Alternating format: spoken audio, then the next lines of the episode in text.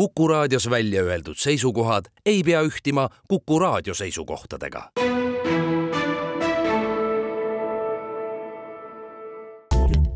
tähendused, teejuhid tere kolmapäeva pärastlõunat, et oleme eetris siis Tähenduse teejuhtide kahesaja seitsmeteistkümnenda vestlusringiga ja on ka, see jääb siis selle sügishooaja eelviimane, on eelviimane, et reedel on viimane, siis tõmbame joone alla selleks korraks, et äh, rõõm tervitada kahte saatekülalist, nagu ikka, tere tulemast, Aare Tamme. tere, Hardo, ja tänan kutsumast. ja tere tulemast, Hannes Võrno. aitäh kutsumast, tere äh,. saatel on nagu ikka oma eellugu ja see viib võib-olla mingi kolm-neli nädalat tagasi, kui mul mingis sellises poolunenäolises seisundis meenus üks seik lapsepõlvest, kus me käisime, me elasime Rakvere Keki saare elas kõrvalmajas kolme, kolmandal korrusel ja mina siis äh, teisel pool ühekorruselises või esimesel korrusel ka kolmekorruselises majas ja meil oli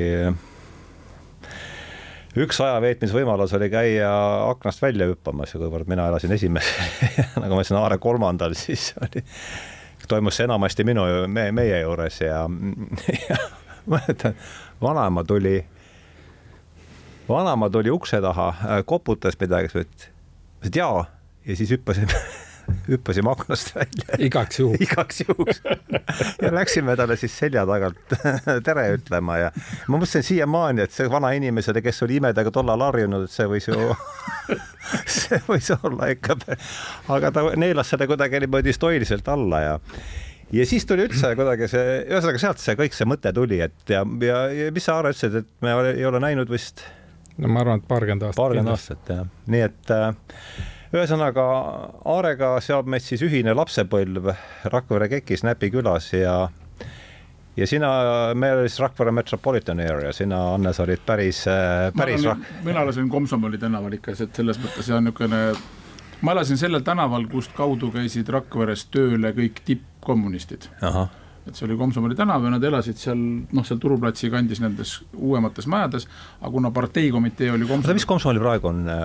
Laada. Laada jah, just, just. ja siis kõik need tippkommunistid, kellel autot ei olnud, siis nad jalutasid nii-öelda kogu aeg minu akna alt mööda edasi-tagasi käisid parteikomiteesse tööle ja Laada tuleb ju kolmanda keskkooli juurde välja, on või? ja, ja, on, eks, ja, ja just, just, esimese valgusfoorini Põhja-Eestis. täpselt kas oli Haljalas oli enne järsku veel või? ei olnud, ei olnud, Rakveres oli enne. ma ei oleks imestanud, kui oli Haljalas veel esimene.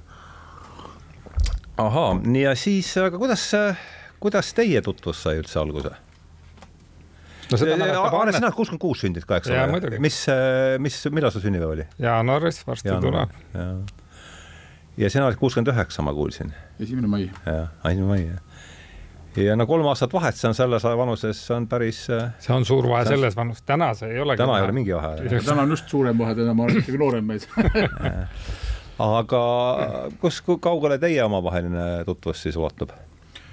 ma arvan, meie, meie tutvus on natukene nagu, nagu selline äh, vana juturaamat, mida sa oled kunagi lugenud ja mille sa ühel hetkel leiad kuskilt riiulist äh, kogemata ülesse ja, ja põhjusel, et selles raamatus on mingisugused seigad, mida sa nagu mäletad, aga sa ei tea, kas nad olid täpselt sellised eee. siis sa võtad selle uuesti kätte, hakkad seda niimoodi sirvima ja vaatama ja, ja niimoodi meil oli see nii-öelda renessanss või tagasi, tagasi tutvumine oli uuesti, sest et noh, esimest korda, kui me kokku saime, siis mina noh, nooremana mäletan seda korda väga hästi.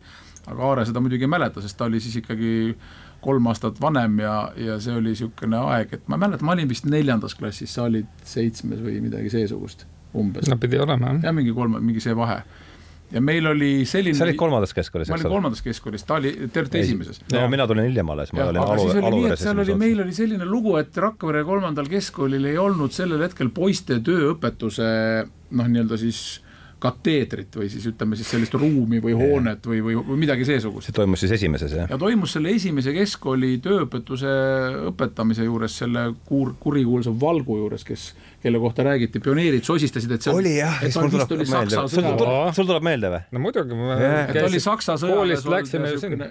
ja, ja mina keskkoolis seda enam ei olnud. ei, see oli, see. oli ta keskkoolis? ei olnud, ei olnud keskkoolis, keskkoolis meie käisime, keskkoolis hakkas see spetsialiseerumine pihta, et meie olime nii-öelda autode tee olite Jah. siis matefüüsika, Jah, aga see see pidi olema ikkagi enne keskkooli jah ja, ja, ja mina mina olen tast ainult kuulnud jah. mm? -hmm. ja siis oli nii, et meie, meie, meie tööõpetust andis, andis seesama, seesama legendaarne härra Valk, saksa, Priit oli ta eesnimi. oli vist jah, Priit Priit Valk. Priit Valk, midagi seesugust väga, väga selline, no ta oli sellise stoilise, nagu ta oli sellise tektoonilise siukse saksa olemisega niisugune. Oli, oli, jah. ta oli ikka, ta oli ikka näha, et ta oli teeninud nii-öelda Hugo Bossi ülikond seljas nagu oma nooruses, eks. ja ikka ideeline, ideeline, mitte lihtsalt niisama ise hakanud. ta ikka päris. ja me saime ja ma mäletan, seal oli kevadine aeg hakkas kätte jõudma ja oli see väga selge oli see, et siis läksid mingisugused kolmanda või neljanda klassi siuksed pusled läksid sinna tööõpetuse majja ja seal olid sellised kaheksanda klassi kraaded, kes tulid sirelipõõsast suitsetamast.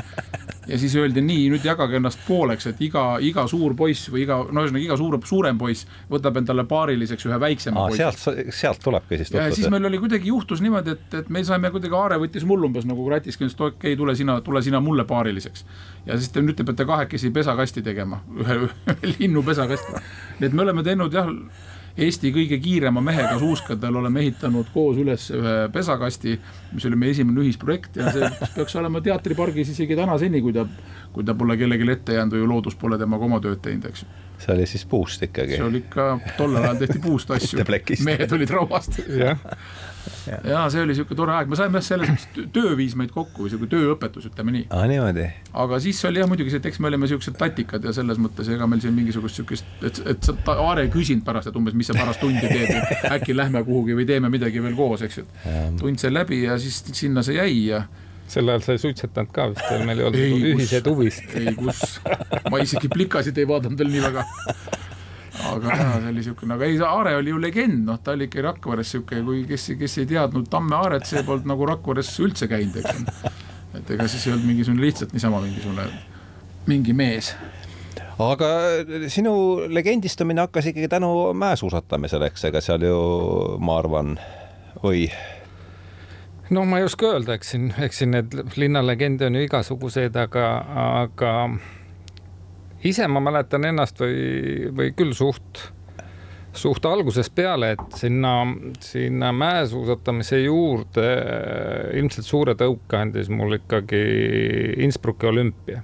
jah, seitsekümmend kuus. jah, noh, see enne seda oli veel kuuskümmend neli olnud, kus oli Ants Antson jah, kuuskümmend kaheksa Grenoble ja Saparov veel, aga seal, siis me olime nii tatikad, Sapor oli seitsekümmend kaks vist jah. jah Klammer võitis kiirraskumise, eks ole, Franz Klammer. just, no kõik me olime klammerid siis, ükskõik mis see kekatund ei olnud suuskadel, siis kõik, küll nad kõik, Vallimägi ja Kõrgekas, need olid kõik kõik oli klammereid täis jah, sel ajal, et noh. aa, Ah, seitsekümmend kuus olümpia jah, oli siis jah, ja, ja siis ma mäletan, et, et noh, ennem tõenäoliselt natukene, sellepärast et ma olin esimeses klassis äkki või, või oli teises, kui, kui siis noh mm, raske on öelda, mis see oli või kes see oli või kust see nõu tuli, aga, aga siis ma kuulsin, et Rakveres sõidetakse mäesuusatamist kohe päriselt ja on Rakveres laste-noorte spordikool oli sel ajal sealsama staadioni peal kollane puumaja ahjuküttega mäletan väga hästi ja seal oli siis ütle, ütle veel, kus oli see, kollane maja tuleb, kus see oli, see spordikool?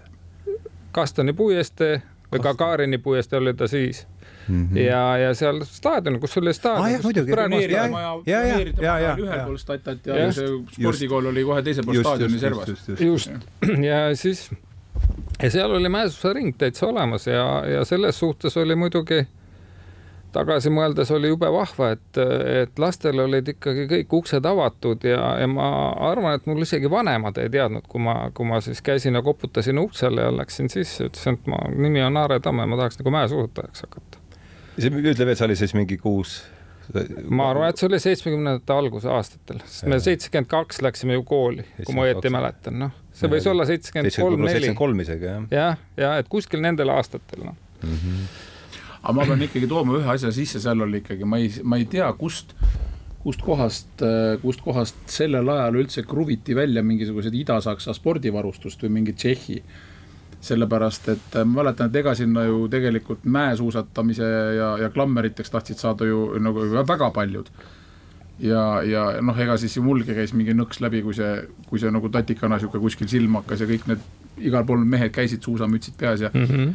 Aga ma mäletan seda, et, et ega siis ju selleks oli vaja ju noh, mäesuuski või vähemasti noh, nende sarnaseid asju.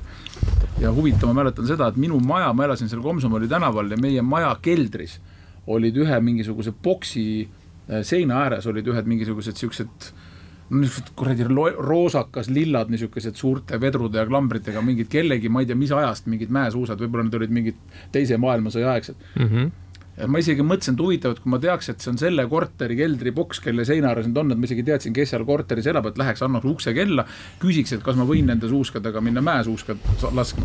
aga et nad nägid nii sõjaaegsed välja, et ma mõtlesin, et ma ei saa sinna mäe peale minna, et noh, et need kutid, kellel olid ikka mingid juba siuksed Tšehhi ja mingid Ida-Saksa suusad, et need oleks nagu naernud välja lihtsalt mm. ja siis mäletan, et mul jäi sellepärast sinna mäesuusakooli jäi minemata, et ei, vanemad ei oleks mulle neid suuski ostnud tavaliste mingisuguste nende. no neid ei müüdud. Neid ei müüdudki kuskil umbes jah, et aga. Neid ei olnud jah. aga, aga see oli jah sihuke aga kes sa siis seda Rakveres seda mäesuusatamist üldse, see pidi olema mingi üksik entusiast, sest ega ei, ei, ei vastupidi. tõsi või? vastupidi, ma läksin, läksin sinna trenni Kõrgemägi, enamus, enamus trenne toimus talvel ikkagi Kõrgemäel ja, ja seda treeningrühma vedas sel ajal selline härrasmees nagu Ennu Tuve tema on surnud? ammuilma jah. Enn Uduve ja Enn Uduve oli sellel ajal ka Rakvere laste ja noorte spordikooli direktor, kui ma ei eksi. pärast seda sai Jaak Vetik või kuidagi niimoodi, ma mäletan. et Enn vedas seda ikka pikka aega ja tema, tema oli siis jah, niisugune legendaarne mäesuusapoiste kasvataja, minu silmis on ta jäänud nagu selles suhtes niisuguseks uskumatuks, uskumatuks treeneriks, et mina ei mäleta, et tal oleks kordagi olnud mäesuusad all endal. Hmm.. ehk äh, härra käis mäel kummikutega läbi aasta, tegi ukse lahti, andis poistele kolud kätte, siis rääkis nii selgelt ära, mis sa tegema pead, et ise ei, kordagi mina ei ole teda suuskadel näinud aga suusa, varustus oli siis ka kooli poolest? ja muidugi. muidugi. mingid Tšehhi, Tšehhi asjad, äh, Tšehhi suusad. noh, ma nüüd ei tea, kust need tehtud olid, eks, eks nad ilmselt olid jah, Poola ja, ja Jugoslaavia sel ajal ja. ja suur ta rühm oli seal siis? see oli ikka suur, noh nii et esimene aasta, esimene talv, ma mäletan, et oli niimoodi, et meil ei jätkunud suuski ja oli, oli, ilmselt olid nädalalõpupäevad need, kus ikkagi istusid ja lihtsalt vaatasid paar tundi, kuidas ülejäänud suusatasid ja siis, kui trenn hakkas lõppema, siis uue poisina said ka paar liugu teha. ja siis hiljem hakkas nagu jätkuma ja ma mäletan, et, et läks ikka mitu-mitu aastat, ma võisin olla juba mingi, mingi kaksteist, kolmteist, kui ma sain siis linnakoondisesse, et äh, Rakvere nagu linna koosseisus üldse nagu mm. Otepääle vabariiklitele päästa ehk see ei olnud niisama, et, et sa tahad ja lähed, sõidad Eesti meistrivõistlustel kaasa, sa pidid ikka kõigepealt linnakoondisesse saama, mis mm, -hmm. millele eelnesid siis nagu kõrgemal mingid niisugused proovivõistlused ja sealt siis selekteeriti välja, et Rakvere oli selles suhtes hästi, hästi, kuidas ma ütlen, niisugune ajalooline mäesuusa keskus sellel ajal, kui nii võib öelda, sest enne mind oli juba mitu sugupõlve tulnud sealt täiesti liidu tasemel sõitjad. tõsi ka või? absoluutselt. vot sellest ma ei tea midagi. just nimelt. see pidi olema jah, ikkagi mingi peenar pidi all olema. ja, ja, ja seal oli tõsine peenar all ja, ja ja mina hakkan mäletama, kui enne mind oli just oli, oli Vallikraavi tänaval elas,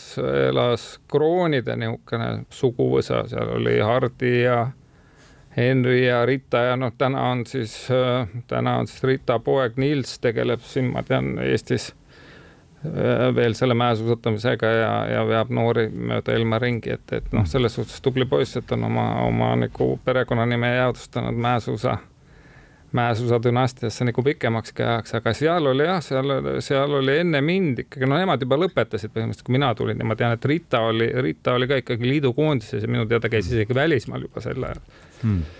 Oh. et, et jah see Rakvere niisugune mäesuusa traditsioonid ja, ja, ja selleaegne tase oli, oli üllatavalt kõrge mille juurde võib muidugi öelda vist ikkagi seda, et tänu, tänu sellele, et Rakvere oli ka vist üsna viimane kants Põhja-Eesti äh, kirdenukas, kus oli Soome televisioon näha ja kus seda oli, kus neid asju telekast nägi. ehk et nii-öelda eeskuju, see, see, see mõjus ju kõvasti ei, kahtlemata mõjus, et, et, et. absoluutselt. ma arvan, et Lõuna-Eestis oli ju mägesid ju küll ja küll, aga.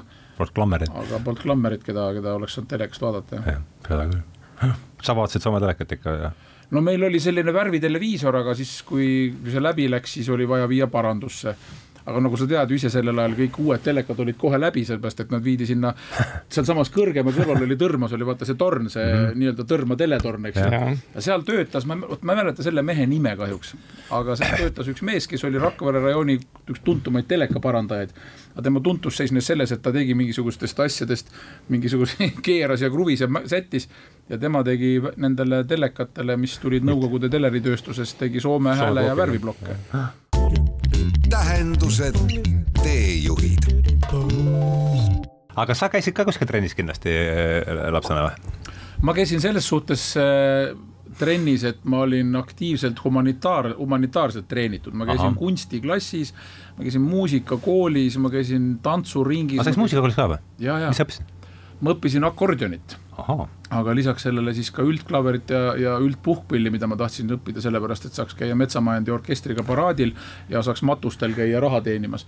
aga sellest ei tulnud eriti, eriti suurt midagi välja, sest ma olen olnud lapsest saadik nagu kehv harjutaja, et see, mis kohe välja ei tule, seda ma järelikult ei oska ja ma ei viitsinud harjutama ka hakata, et et ma olin kuidagi sihuke natuke laisavõitu. aga trenn oli selles mõttes kõva, et see kesklinnast Pikale tänavale pillikast seljas jälle kaks-kolm korda nädalas, et see oli, oli trenni mõttes hea ja me käisin, ma käisin teatristuudios, mida juhatas Valdur Liiv. ja see oli ses mõttes väga tore, et meil olid seal ju kõik kõvad trennid, Mihkel Mäomaa käis meil, et me käisime Mihkel Mäomaa juures. tema oli judotreener. judotreener, et me käisime Mäomaa juures judot tegemas, siis me käisime ja siis meil käis üks, üks vehkleja, kahjuks ma ei mäleta tema nime, üks härrasmees oli, kes, kes tegi meile vehklemist siis me muidugi jooksime, siis me poksisime. poksi tegi meile Paisi Viki, kes oli legendaarne Tallinna restorani väljaviskaja, see õpetas lastele poksimist. et oli sihuke tore, tore aeg, et, et, et ma ütlesin, ma olin füüsiliselt ja, ja, ja kõigelt sellelt nagu väga, väga haaratud igasugustesse sajad, sadadesse ringivälistesse tegevustesse. et jah.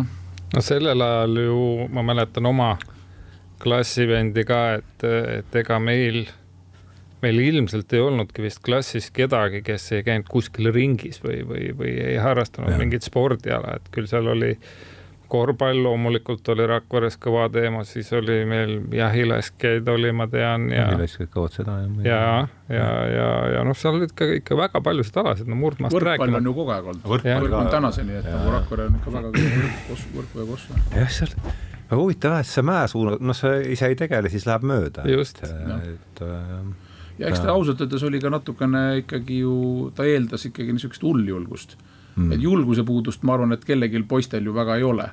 aga sellist hulljulgust oli ikkagi ainult niisugustel tammesugustel, eks ju, seepärast et see kõrgemegi omavahel öeldes, noh, täna sa tead, mismoodi hooldatakse suusamägesid ja suusanõlvasid ja kui sa kujutad ette, millega ja kuidas, noh, sellel ajal seda kõike tehti et ega see, seda ju ei tehtudki. seda, no oleme, oleme ausad. Need, kes seda alla lasid, need seda seal, need seda seal lihvisid, eks ju, et see pidi ikka olema mina ütlen küll, ma julgen seda avalikult öelda, et mina, minul ei jätkunud hulljulgust, et julgust oli küll, et sinna mäkke ronimine polnud ju mingi küsimus ja sealt kuidagi sahka niimoodi alla ka lohistada, aga aga see, mida Tamme tegi, seda, see oli nagu selge, et see, et seal noh, üks kruvi on puudu või siis vastupidi üle, et et sealt ikka pidid tulema alla ainult noh, sellisel moel nagu Aare seda tegi ikkagi nagu noh, tatikad käisid ikka vaatamas, eks ju, kuule, lähme vaatame seda need suuremad vennad lasevad. ja seda ma mäletan ka, et no ikkagi niisugust, nüüd lähme seitsmekümnendatest tagasi, et, et see Kõrgemägi oli ikkagi paksult rahvast täis, noh, paksult rahvast täis.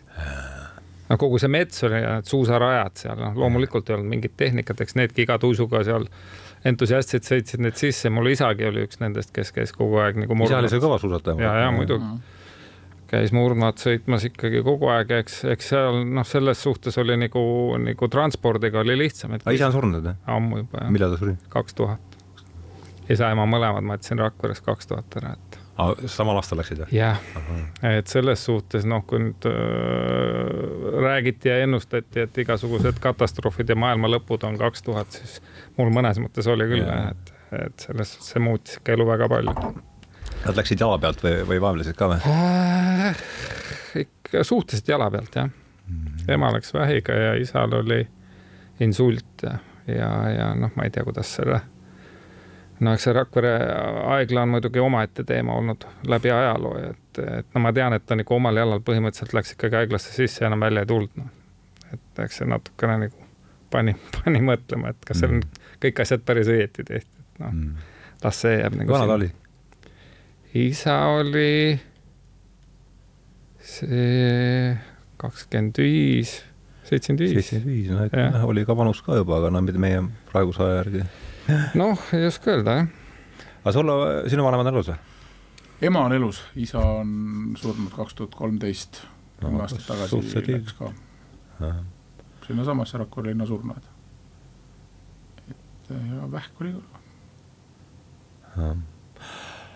aga hästi, no rõõmsamatele teemadega edasi, et ka kolmteist oled siis, kolmeteistkümne aastasena oled siis äh, Rakvere koond- koonduse liikmena Otepääl.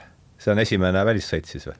jah, ja, ja see oli suur sündmus. No muidugi. bussiga mindi ja buss oli rahvast täis ja noh, siis murdmaasuusatajad ja kõik või? ja, ja muidugi, murdsikad käisid ja, ja mäed ja ma mäletan, äkki oli veel passbuss niisugune, millega me ma läksime. just tahtsin küsida, et mis buss see ja, võis ja olla, äkki oli passbuss. passbuss oli, see oli vist, vist oli isegi spordikooli oma buss või? noh, külm ja aknad jääs ja ikka no niisugused seiklused olid kõvad, aga noh, vähemalt on siiamaani meelde. no muidugi. ja siis jah, siis, siis lootused olid kõvad ja noh, siis ma sattusin sinna Munamäele esimest korda, mis oli nagu nii suur mägi. et noh, ikka võttis nagu Rakvere poisi tummaks, noh. Muidugi alt vaatasid, lõppu polnud näha, kas ta keeras kuidagi niimoodi nurga taha veel üles. ohoo, okei okay. ja siis seal oli jube äge, noh siis olid niisugused tavalised need rosttõstukid olid, siis niisuguse konksuga ennast kinni ja ja see oli ka äge, siis vaatasid seda tõstukiliini, siis Rakverest oli niisugune suht nagu tasane ja oli ülemine ja alumine jaam olid nagu näha, vaatasid. aga Otepääl ei olnud, siis vaatasid üles. ja ei olegi näha. et, et äh, mäletan väga hästi, et see ikka võttis, võttis nagu väga mõttesse noore poisina ja esimene, kui ma ei eksi, esimene võistlus vist, vist lõppeski kukkumisega, et ega ma finišini ei jõudnudki slaalomisse slall jah ja, ja siis sõideti ainult slaalomit, noh. mm -hmm.? ainult alles slaalomis? ainult slaalomit sõideti jah.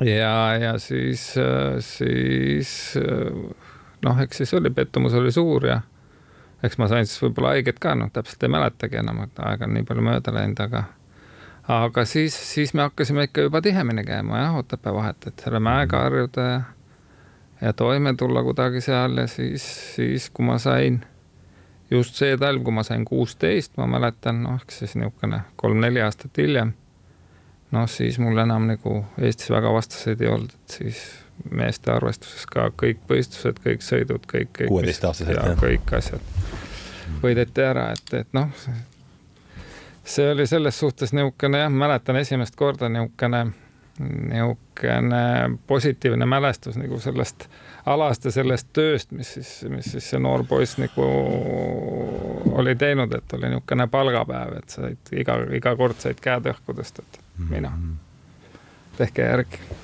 Ja oota, siis sa olid ju, millal sa läksid? kuueteist, no see ongi, see kümme aastat oled teinud juba siis enam, ligi kümme aastat või nojah, No hakkas saama, ütleme kaheksa jah. mm? -hmm. Mm -hmm. ja see toimus siis, see oli kõik siis äh,, slall oli see? Ainult, kiir, jah. Jah. või? no kui sa mäletad, siis seal ju meil oli koduhoovis, oli niisugune väikene kaevumägi seal prügikastide juures. Sa mäletad, kus prügikastid olid? seal, kus oli see busside, ei, see on, see on, see oli kaugemal, see oli kaugel, ja, ja prügikastide mul, ja, ja, ja muidugi, muidugi mäletan. kaks meetrit kõrge. tubli kaks meetrit. just, no aga sinna sai, ma mäletan väga hästi, sinna sai neli pööret teha. et ma sõitsin sealt ka õhtuti alla. ja siis noh, see oli, see oli nagu kõige lähedam, et, et noh, kui Ja, see, kui siis oli seal nagu busside seal, ja seal all kaubabaasi ees, no see ees. oli juba poole suurem mägi, see oli juba no see oli vaata kolm-neli korda suurem isegi. no seal võis olla kõrguste vahe juba kogu viis meetrit. jah, võis olla küll jah. et see oli ikka juba tõsine et siis sinna ikkagi juba valmistuti sinna minema, see oli juba niisugune pikem projekt no,. aga vahemaa oli juba ka niisugune nojah, see see prügikastide juures oli ju sul lausa, lausa hoovis ju. ja muidugi noh, seal oli nagu lihtne, lõid puusuusad alla või mis iganes sealt kuskilt said ja kohe sinna. Ja no meil oli ju siis ju ikkagi mingid lapsevanemad tegid ju, kui sa mäletad, siis ikkagi liu välja sinna kahe maja vahele paar korda ja, oli küll jah. Et, et küll siis nagu harrastusi lastel oli talvel, seda rõõmu ja kilkamist oli ju lumetulekul Ja küll ja küll ja, ja siis lapsi oli seal ikkagi omajagu, tuuseldas ringi sellel ajal. ja siis, kui olid ju tuisud, mäletad, meil oli üle tee, siis oli ju kuuseekk ja, ja siis, kui olid tuisud, sinna tuiskus niisugused sobivad hanged. Ja siis rohkem kui ühe korra oli siis ikkagi niimoodi, et kaevasime sinna koopaid ja asju, siis ma mäletan, kuidagi me ronisime selle, selle kuuseekki nagu, ta oli ära lõigatud suvel või pügatud, seal olid niisugused tüükad või niisugused tugevad. sinna sai eki seest, eki sees meil olid suvel käigud, kus me käisime Jah. suitsetamas ja igast muid lõbusaid asju tegemas. ja siis me saime sealt seest niimoodi kuidagi sinna ülesse tüügastatud, sealt hüppasime hange, noh aga siis, juhtus pahatihti nii, et hüppasidki, et müts jäi välja välja ei saanud, sa mäletad, karjusid appi nii kaua, kui keegi sind välja kaevas. ja, ja see huvitav, seda mul ei tule, aga, aga see naljakas, kui sa räägid, siis tuleb kohe meelde see, kuna ja. Is- pigem see, pigem see Hekis äh, Käikudes käimine. käik, Jaa, muidugi. päris huvitav, kuidas see mälu, mälu töötab, jah. aga mis, kus, mis toimus seal Komsomoli tänava õues siis, seal oli sa, samasugune mingi seal oli ka okitamine, ma meil mäletan. oli kõva okitamine, sest Jah. meil juhtus ju nii, et seal Komsomoli tänaval olid, olid maja number neli, kus mina elasin, siis maja number kuus, maja number kaheksa ja ta-ta-ta-ta-ta. ja mida turuplatsile, mida turuplatsi poole siis, siis seal turu, kõige turuplatsi poolsemas majas Komsom oli kümme või Komsom oli kaheksa, see vist Komsom oli kümme, sihuke hallide rõdudega. see oli Vene ohvitseride, Punaarmee ohvitseride korterid, kortermaja mm. -hmm. ja seal elasid siis, ma ei tea, kas nad olid alates kaptenist või alates majorist ehk et selles mõttes nii-öelda siis nagu ikkagi ohvitserkonna. Eliit. eliitohvitserkonna sidevägede ja mis, mis seal Rakveres olid, piirikad ja side, piirikad, sidevägi ja ehitajad ja kes seal iganes olid. ja, ja nende siis võsukesed olid meil niisugused noh, siis meievanused kutid, eks ole, kes käisid teises keskkoolis. Mm -hmm. seal vene koolis ja siis meie Komsomoli tänava elu seisnes põhimõtteliselt selles, et et, et kui vene kutid pidid kooli minema, siis nad pidid minema meie maja eest mööda sinna teise keskkooli. Ja kui meie läksime oma kolmandasse keskkooli, siis me pidime minema vene kuttide maja eest mööda oma kooli. mis tähendas seda, et kui sa läksid kooli, siis üldiselt oli alati tervislikum minna mõne sõbraga koos, vähemalt kahekesi, eks et ma ei ütle seda, et meid oleks seal kogu aeg nagu kuidagi noh, mingi füüsiliselt kiusatud või midagi sellist.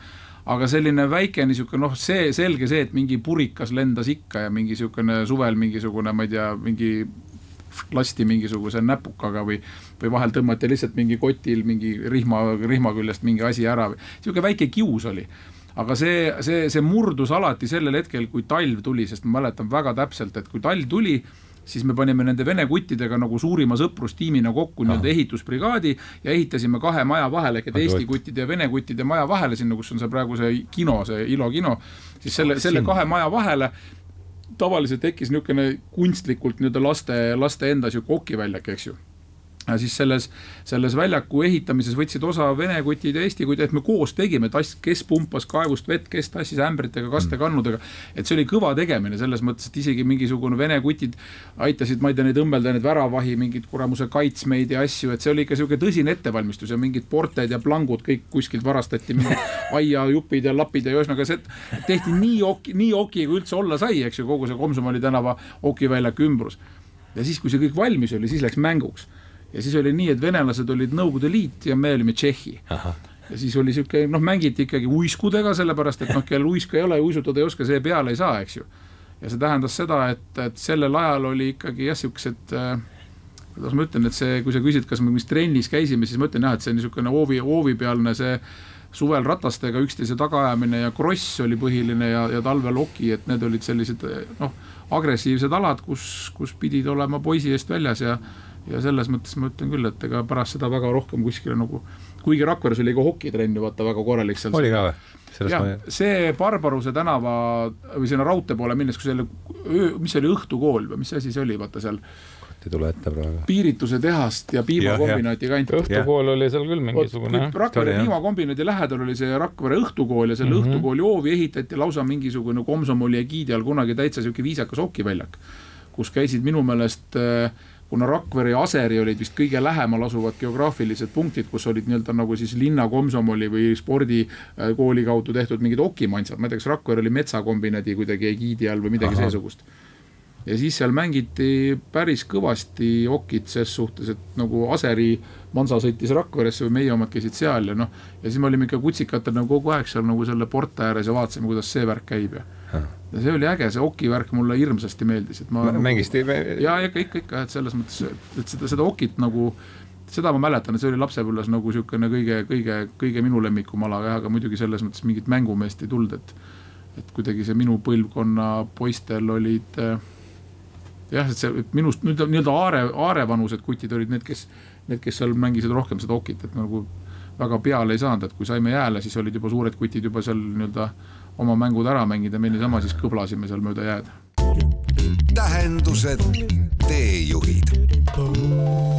nüüd, kui me oleme jõudnud võib-olla niisuguse küpsemasse ikka ja hakkad nagu tagantjärgi kõike seda uuesti lahti mõtestama, siis, siis ma, siis ma olen üha rohkem jõudnud jõudnud äratundmisele, mida ma kunagi ei ole varem nagu heaks kiitnud. et, et meil ikkagi on olemas tõenäoliselt mingi saatus, mida, mida noh, mis jällegi teaduslikult ilmselt ei ole väga uuritud ega, ega tõestatud, et noh, eks ma võingi olla siis lamemaalane ja jääda selle väite juurde. Aga minu elus on küll ilmselt olnud mingi saatus, kes on öelnud, et Aare, nüüd pead tegema nii nüüd pead tegema naa, nüüd pead keerama sinna, nüüd selle lahti laskma, ära sellega rohkem tegele ja nii edasi. Ja sest, sest muud lahendust ei ole, noh, ma räägin noh, alates needsamaks pioneeriks hakkamiseks või mittehakkamiseks, need trennides käimised, kõik need reisid, kõik need kohtumised, need inimesed, keda ma, kellega ma täna suhtlen, ega siis ma suhtlen tegelikult äh, või noh, ütleme ka siis nagu Hannes räägib, et sõpradeks pean jube vähe inimesi. Aga need on tõesti minu jaoks jube tähtsad inimesed ja nad elavad ümber maailma, reeglina ongi igas riigis üks või kaks, noh, kellega sa pead sidet. Ja nad elavad täiesti erinevates riikides. aga me räägime, mõtleme samamoodi asjadest, meie elufilosoofiad on jube sarnased, kuigi me oleme erinevatelt aladelt täiesti, seal on finantsalategelast, nagu ma sinulegi tutvustasin ja seal on igasuguseid huvitavaid inimesi. aga me mõtleme jube ühtemoodi. mis, mis mis on nagu, mis on jällegi nagu haruldus, siis mõtled jälle, et et sa sündisid kuskil Rakveres, on ju, olid sealsamas prügikastide kõrval, sõitsid suuskadega mäest. et miks ma olen nende inimestega just kokku saanud, miks on, miks ma, miks mul on moodustunud nagu selline sõprade ring, kes täna on täiesti asendamatu minu jaoks. ja ma tean, et alati, kui võtad pöidlaga, valid numbrist, ta alati vastab sellele, et ei ole nii, et oi-oi, see, las see olla. niisugune see ei ole. saatus, me oleme jõudnud teemani, mis on siin käinud äh eilegi käis läbi jälle. ja seesama tõmme tulevikust ja mis, kus, kus sinu mõtlemised selles, selles vallas on?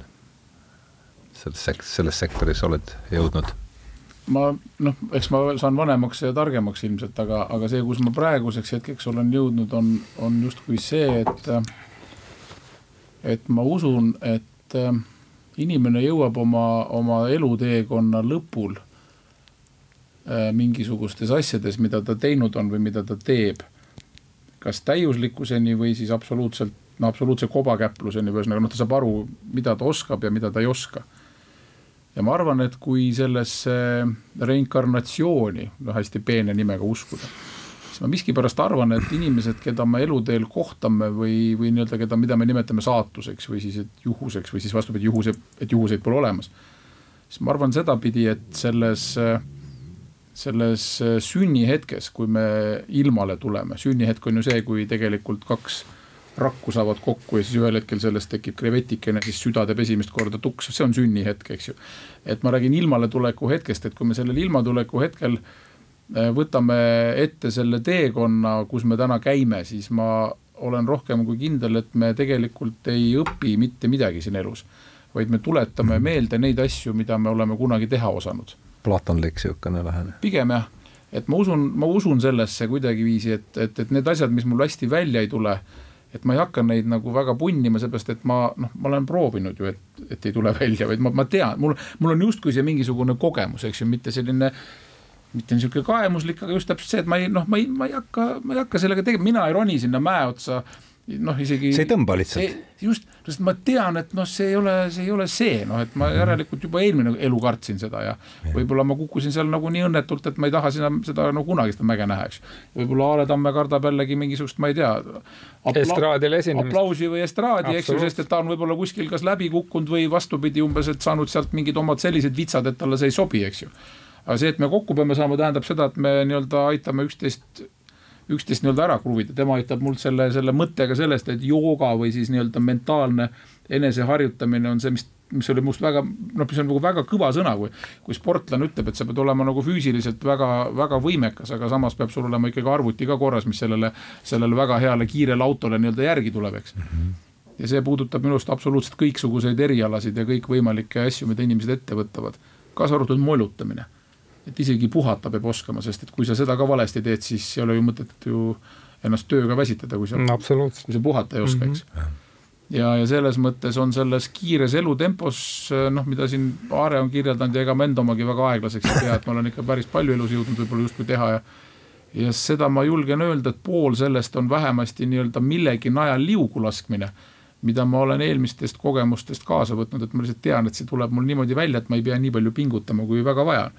ja ma arvan, et noh, sinagi julged tunnistada, et sa oled noh, mõnest mäest alla tulnud niimoodi, et sa tead, et ma võin lapse kukile võtta ja, ja öelda, et noh, et seda ma ei karda, sest seda, see tuleb mul välja, eks mm. -hmm. ei muidugi, jah. jaa no nii, aga meil on siin jällegi stopperi pealt aega ei võta, aga üks kümmekond minutiga peaks selle, võiks selle asja nüüd äh,, läheks kuidagi Läheks Rakveresse tagasi lõpuks või sealt, kus me alustame? kaua, tihti te siin, millal käisid viimati? käisin viimati eile, üleeile.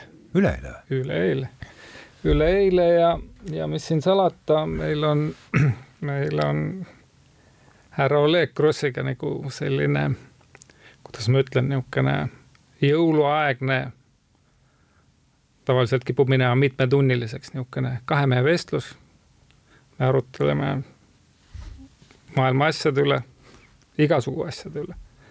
ja, ja, ja hästi huvitav on see ja siis ma kaua, kaua sa teda tunned? lapsust saati põhimõtteliselt ka muidugi. kas ta meie vanane umbes või? Äh, ta on meist vanem ikka. aga siis, kui ta ikkagi maadles ja noh, me saime ka spordisaalides kuskil mm -hmm. saime kokku, et noh, ikkagi Rakvere inimene, ma tundsin mm -hmm. teda ikka jah, päris varast ja eks me jälgime üksteise tegevusi ja siis, siis arvustame võib-olla mingeid asju ja, ja anname hinnanguid ja ja nii edasi, et ja eks nüüdki arutasime seal Rakvere võimalikke tuleviku mingeid lahendusi ja plaane, et, et noh, niisuguste inimestega on alati põnev juttu ajada ja noh, ma räägin, aeg kaob nagu tänagi siin kaks tundi on läinud nagu lupsti et, et temaga samamoodi ja siis ega ma seal palju rohkem ei käigi, et siis käin vanemate haual ja, ja. kus see, mis, kus surnas on? linnasurnas mm -hmm.. näpile pole tõenäoliselt sattunud, pole asja?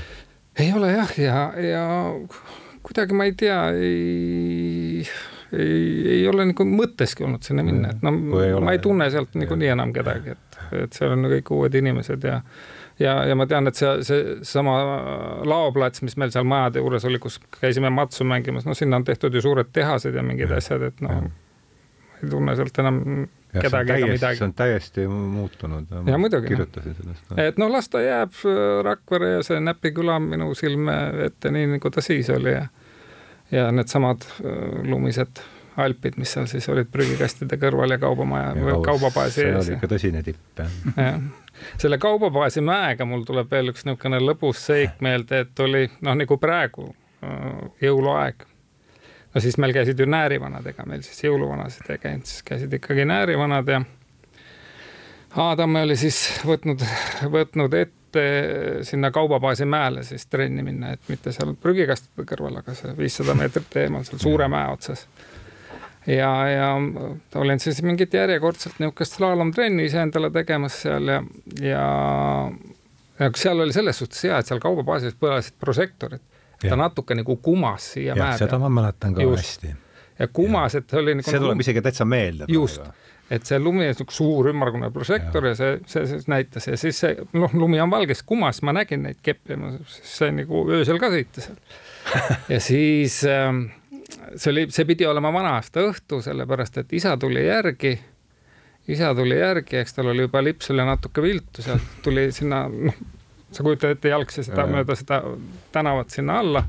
ma siis tulin vups mäe otsast alla, siis mäletan hästi, see ütleb, et Aare, kuule.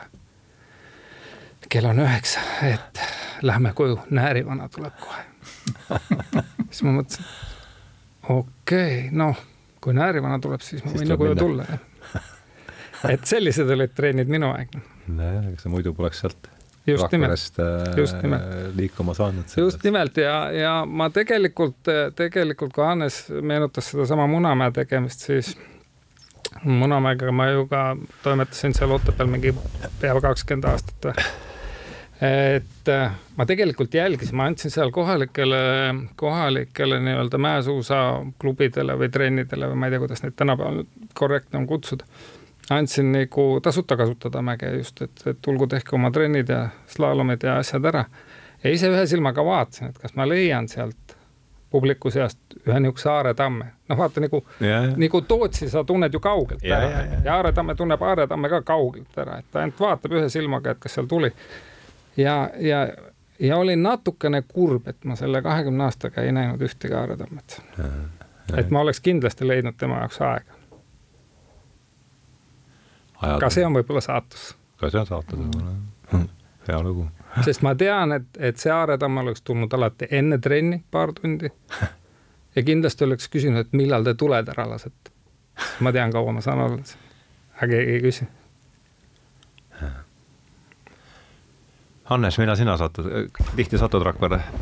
Äh, satun ikka väga, vägagi sagedasti, et mul ema elab ema on Rakveres eks ole, ma no käin seal Rakveres ikka, ikka, ikka väga sagedasti, suvel ma satun sinna praktiliselt ikka paar korda nädalas lausa, sest lausa? mulle väga hullult meeldib see, see põhjaranniku tee ja ja kui ma mootorrattaga sõidan, siis ma tahan lihtsalt teha seda niisugust nii-öelda kallutamist ja kurvi, siis ma lähen alati seda mereäärset trippi pidi ja noh, ja kui ma juba sinna Rakvere lähedale jõuan, kuidas ma siis seal nii-öelda hallalas tagasi keeran, eks ju, et siis ma käin ikka siis teen selle Rakvere otsa ka ära, käin ema juurest läbi ja mm. -hmm. et see on ikkagi kuidagi sihuke Rakvere, mulle, mulle ja mulle Rakvere meeldib, ma olen ma olen, mäletan lapsepõlvest saadik, kuidas mul mitte paar sõpra olid sellised, kes ütlesid umbes, et mis asja, et see Rakvere on siuke tolmune turuplats ja mingi kole bussijaam ja tuvid lendavad ja mingi noh, mis seal Rakveres nagu ilusat on? No aga eks sellel ajal oli ei tea selle kõige sisu, sõbrad, te ei tea Rakvere sisu. ja mul siiamaani sõbrad naeravad seda, kuidas ma olin nagu lapsest saadik, me te ei tea Rakvere sisu. ja ma olen Rakvere patrioot siiralt, mulle, mulle Rakvere linn, mulle Rakvere linnana ja, ja, ja, ja, ja sellise paigana on, on väga kallis kuidagi, ta, mulle Rakvere meeldib. et Rakvere on minu jaoks tähtis ja mulle just, kui sa helistasid, et, et saame kokku ja teeme sellise jutuajamise, siis mõtlesin, et ma küsin teilt ühte asja. et, et, et mõelda, et okei okay,, et. raske küsimus ei tohi olla. ei, raske, raske, et äh, Rakveresse toob sisse, eks ju, mitu maanteed, üks tuleb Narva poolt mm, Mhm. -hmm. üks tuleb Tallinna poolt ja üks tuleb Tartu poolt mm. Mhm. -hmm. ja nendes, nende ükskõik millist nendest kolmest teed kasutades äh, sõideti Rakveresse Pärnuga. ja Pärnu ka Pärnu ka, jah. või nelja teed jah, just, siis, siis mu küsimus oleks nagu see, et see on nagu väikest viisi nagu viktoriin, et kas te mäletate, mille poolest erines Rakveresse äh, kõikidest muudest linnadest, mille poolest erines nii-öelda Rakvere rajooni, ma ei mõtle siin nagu konkreetseid linnasid, mille poolest erines Rakvere rajooni sissesõitmine? mina ei oska sellele vaata, küsida. Viitnal oli üks selline asi tee ääres, üks oli seal Viitna kõrts oli seal. ja Viitna kõr-, ei, aga ma räägin sellest, sellest nähtusest nii-öelda. Et ma annan väikse vihje, et see oli selline, et kas te mäletate selle, selle, selle, selle nähtuse nime, et need olid sellised äh, sildid, igal pool mujal oli siuke noh, silt, eks ole, Harju rajoon, meil oli betoonist valatud. meil oli selline betoonist vallatud selline nagu Puna, muna jah. ja sinna oli kirjutatud Punasega. suurte tähtedega, punaste Rakvere. tähtedega Rakvere rajoon seda mina ei mäleta. oli, ja neid kutsuti Mikkeri munadeks, sest tolleaegne Rakvere Rahvasaadikute Nõukogu täitevkomitee esimees Enn Mikker oli lasknud need sinna tee äärtesse panna. see oli Mikkeri munad ja siis mul on, ja see, vot sellest on mul kahju, et kui need uhked mingid nelja ja viierealised maanteed on sinna Rakveresse või Rakvere rajooni, siis mul, mul on jube kahju, et need munad on nagu ära koristatud, mõtlesin, et see on nagu selline teema, mida peaks võib-olla sellele samale sõber Oleg Krossile rääkima, et taastada. et kas, kas teha mingit Krossi või, või siis Mikkeri, ühesõnaga mingid munad peaksid nagu, sest noh, see Tarvas on äge värk, aga, aga Tarvase munadest, mida seal aeg-ajalt pullivennad üle värvivad, on vähe, et ma arvan, Rakverel on mingi, Rakverel on mingeid siukseid Mikkeri mune vaja ja ja mida ma veel arvan, mida Rakveres võiks olla, oleks lisaks sellisele pärdikultusele peaks olema Rakveres äh, no vähemasti üks mälestuspink äh, Kaljo Kiisale, teie koolivennale mm. -hmm. sellepärast, et nii suurt panust Eesti kinokultuuri ja, ja filmiajalukku kui Kaljo Kiisk, Rakvere poiss, ei saa jätta lihtsalt äh, kingsepa Johanneseks kuskil selles, nendes pagana tele, teleseriaali lugudes, et, et, et kui me mõtleme sellele, millise, millise panuse, millised filmid mm. on andnud Kaljo Kiisk ja, ja mis ta on Eesti, Eesti kultuurile andnud, et siis siis lisaks Arvo Pärdile, keda Rakvere nii-öelda nagu praktiliselt maani kummardab, et et ma tahaks öelda küll, et kui keegi kuuleb, et siis äh, see pole poliitikute otsustada, aga Rakvere inimesed. et, et ma arvan, Kaljo Kiisk on, on väärt Rakveres midagi enamat kui lihtsalt seda, et ta on esimese keskkooli vilistlane mm hea, hea meelde tuletada, kuulge, aga ei jõua teid ära tänada. oli, oli super lahe. vastastikku, aitäh äh,. Aarega nägime ju, mis see kakskümmend aastat pole. no ma arvan, jah. umbes nii ja no sinuga näeme tihe, tihedamini, aga. ikkagi on tore. ikkagi on tore ja mis on lõbusam kui jõulude aeg, meenutada lapsepõlve lustakaid seiklusi. jah, just, et see suur-suur aitäh, see oli väga kirgastav jutuajamine. aitäh. aitäh, aitäh kutsumast. jah, tema ma joon olla tähendused, teejuhid